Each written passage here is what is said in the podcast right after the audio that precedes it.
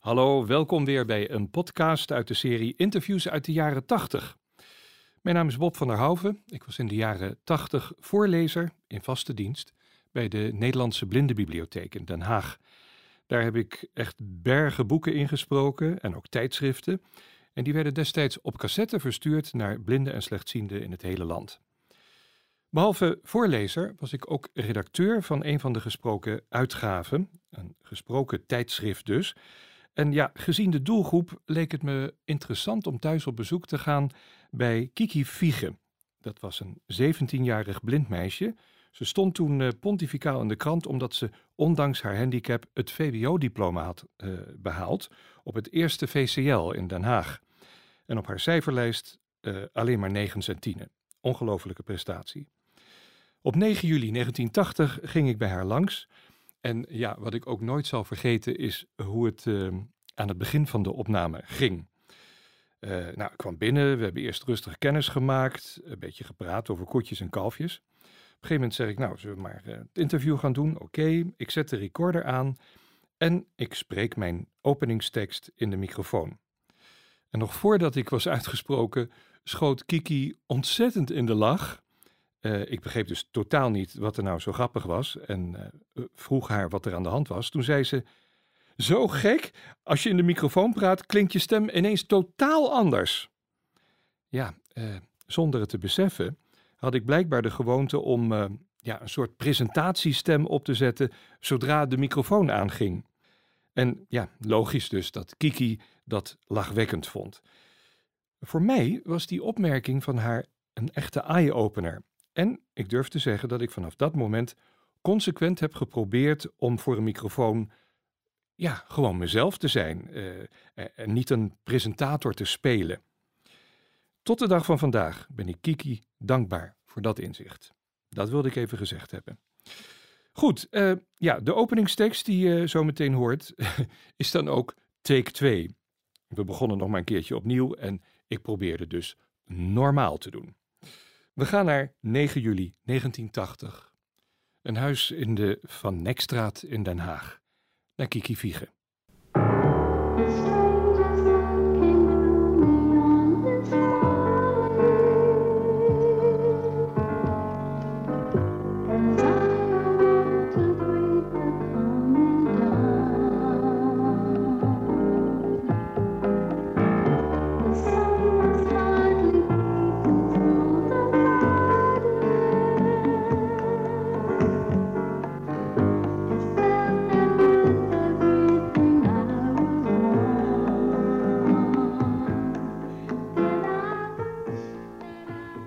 Ramelaar is op bezoek bij Kiki Viege, een 17-jarig blind meisje uit Den Haag.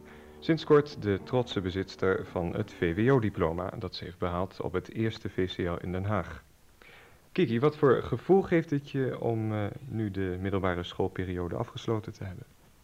Nou ja, heerlijk opgelucht. Vooral nu ik klaar ben met dat examen. Want mm -hmm. uh, het was toch wel een vermoeiend jaar al die uh, schoolonderzoeken en luistertoetsen en nou ja, dan uiteindelijk het schriftelijk. Het gaat eigenlijk de hele tijd maar door. Mm -hmm. Dus uh, nou ja, toen ik daar eenmaal van af was, dat was wel heerlijk. Veel in spanning gezeten?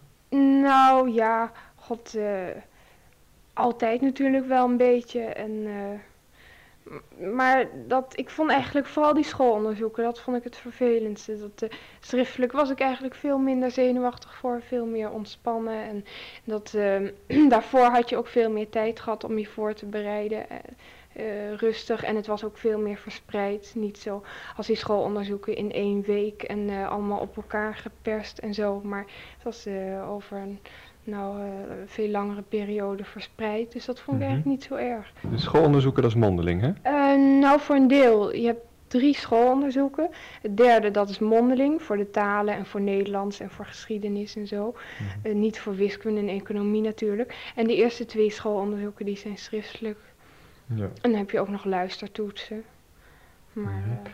Ja, nou, er zijn natuurlijk wel meer mensen die een schooldiploma halen.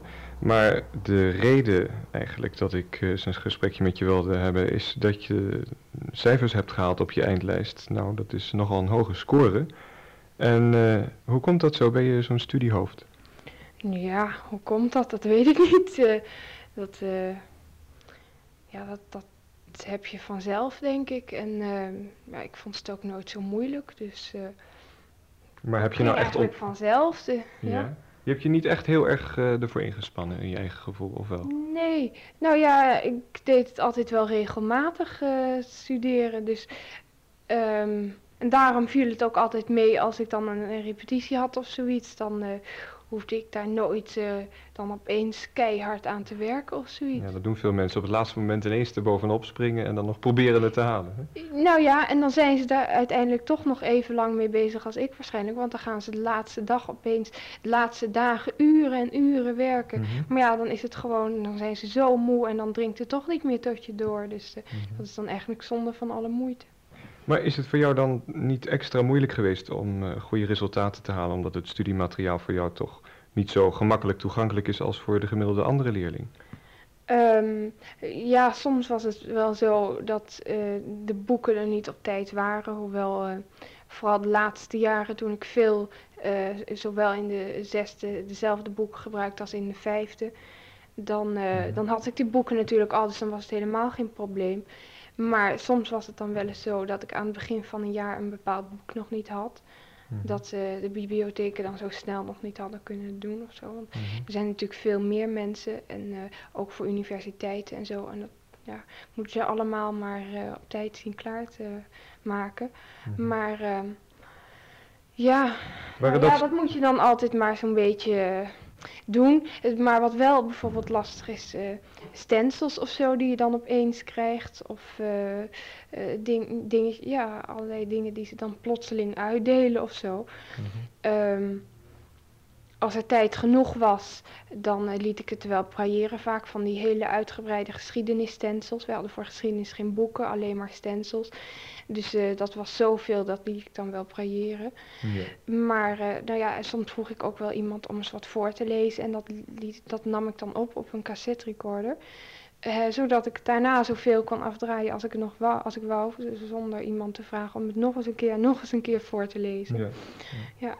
Maar waren dat nou de grootste struikelblokken? Dat je bijvoorbeeld eh brailleboeken, dat, die te- of dat boeken te laat gebrailleerd werden? Of eh, stencils en dat soort dingen? Ehm, Of had je ook nog andere problemen? Ja, nou, dat, dat was wel eens lastig. Maar ehm, nou, verder moest je natuurlijk ook altijd eh, zorgen dat de repetities er op tijd waren en zo. Dat, want ik heb ook wel eens gehad bijvoorbeeld eh, dat we iets, eh, dat we een repetitie hadden. En zo'n leraar eigenlijk opeens zei, oh jeetje, wat spijt me dat, maar ik ben het helemaal vergeten om, eh, om me te laten brailleren of zoiets.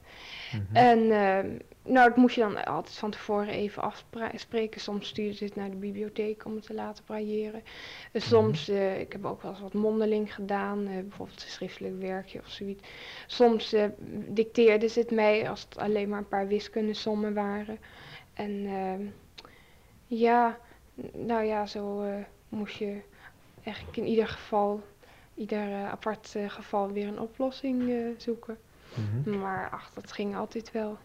Maar als je nou een repetitie maakt, eh, hoe ging dat dan? Schreef je die dan in braille, Ja, die antwoorden? Of in- moest je het in zwartschrift Nee uittikken? hoor, hoe ging dat? schreef ik in braille en eh, nou, soms las ik het zelf wel eens voor. Soms stuurden ze het ook weer naar de bi- bibliotheek waar ze het dan weer omzetten in zwart schrift.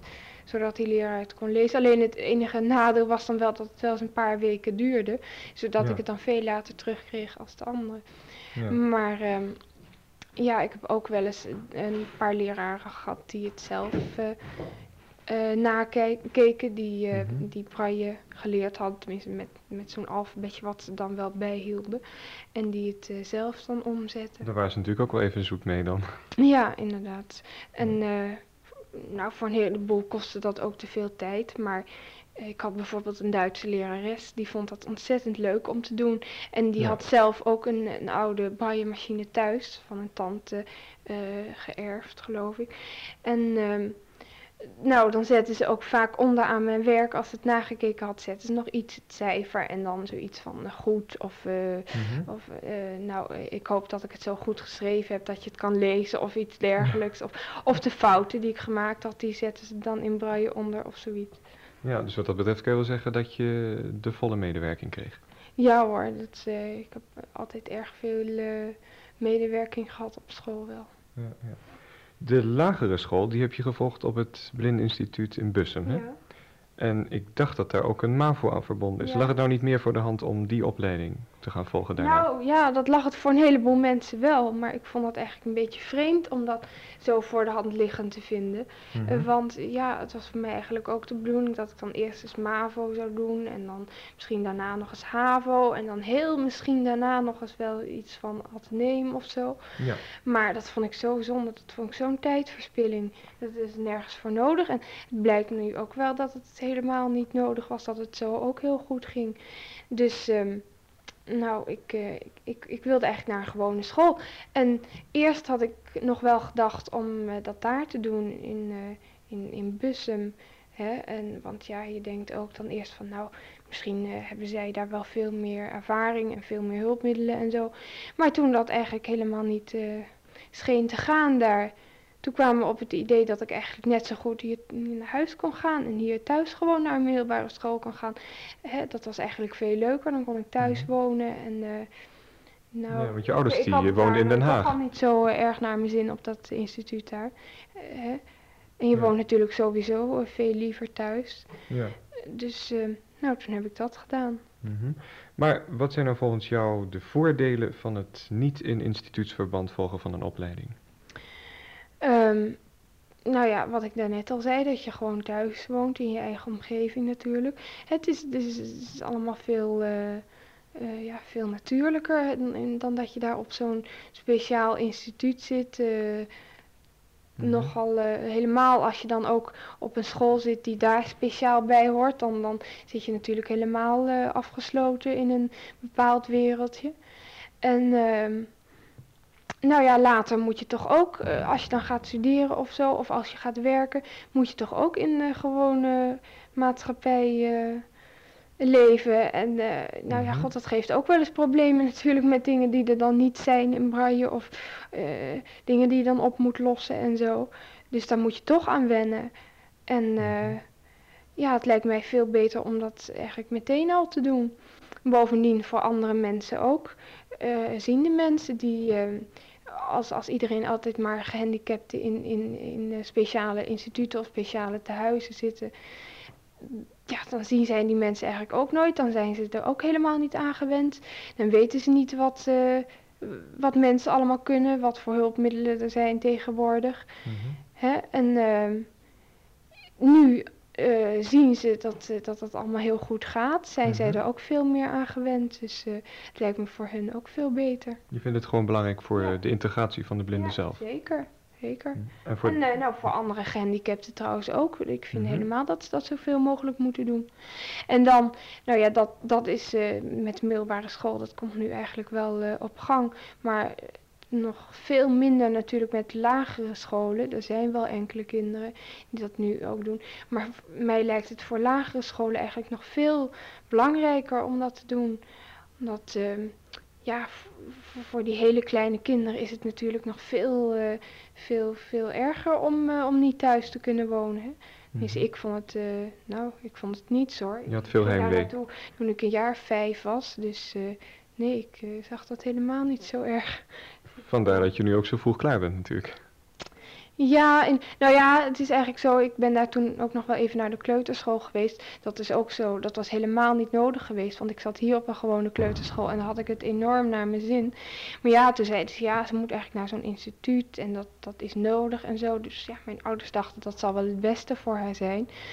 Nou ja, ik ben daar toen naar de kleuterschool geweest, maar ik had het hier in Den Haag veel meer naar mijn zin. Mhm. En ehm, toen ben ik daar naar de lagere school en eh, daar zaten natuurlijk eh, maar weinig mensen, waren kleine klassen. En daardoor kon iedereen daar individueel werken. Mhm. En eh, vandaar dat ik een jaar eerder klaar was. Je hebt nu dat diploma in je zak zitten. Een voor de hand liggende vraag is natuurlijk, wat ga je ermee doen? Ik ga rechten studeren dit jaar, het komende jaar, in Leiden. Mhm. En eh, ja, dat is voor mij natuurlijk ook weer iets heel nieuws. Want ehm, ja, een universiteit is toch weer heel wat anders dan een middelbare school. Dat geldt natuurlijk voor iedereen al. En voor mij dan nog meer. Hè, ehm, het is, eh, ja, god, ik ken het daar helemaal niet, dus ik moet daar de weg natuurlijk weer leren, in Leiden ook. Ik eh, Mhm. ga dan eh, met de trein naartoe en zo. Ik ga daar ook op kamers wonen. N- nou ja, nog niet helemaal echt. Ik zal in het begin nog wel erg veel naar huis gaan, maar zo langzamerhand toch wel om, als je een beetje meer aan alles gewend bent en zo, als je daar de weg goed kent. En, dus ja, dat is voor mij weer heel wat anders. Maar het lijkt me wel erg leuk. En ik heb dat rechten eigenlijk ook gekozen. Ik vind het interessant. Maar bovendien eh, kan je er zo ontzettend veel kanten mee uit. Eh, je, kan, eh, nou, je kan echt bij de rechtbank gaan werken natuurlijk. Hè? Mhm. Iets van officier van justitie of, of advocaat of zo. Maar je kan ook hele andere dingen. Je kan ehm, bij een bedrijf meer gaan werken. Je kan je op allerlei dingen specialiseren. Kinderrecht of internationaal recht of medisch recht of... eh, nou, bijvoorbeeld met al die eh, milieuschandalen en zo die er op het ogenblik zijn, hè, daar kan je je mee bezighouden. Er zijn ook een heleboel banen vaak waar juristen in terechtkomen die niet zoveel met, eh, niet eens zoveel met het recht speciaal te maken hebben, maar waar ze dan toch graag voor nemen. Dus je kan Mhm. zoveel kanten op. Dat is, Mhm. ja, dat trok me wel aan. Ja. Nou Kiki, dan eh, zou ik je daarmee graag eh, heel veel succes wensen hierbij. Namens alle abonnees natuurlijk. En eh, hartelijk bedankt voor dit vraaggesprek. Graag gedaan.